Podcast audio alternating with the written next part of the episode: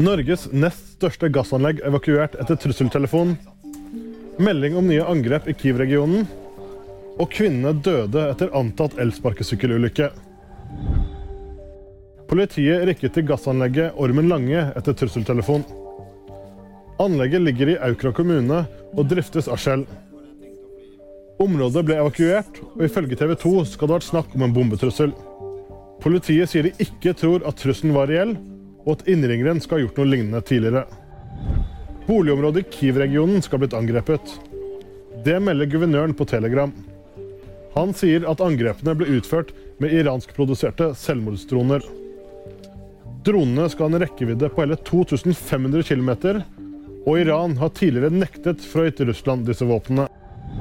Kvinne i 20-årene ble funnet død i Sandefjord. Alt tyder på at det har vært en elsparkesykkelulykke, ifølge politiet.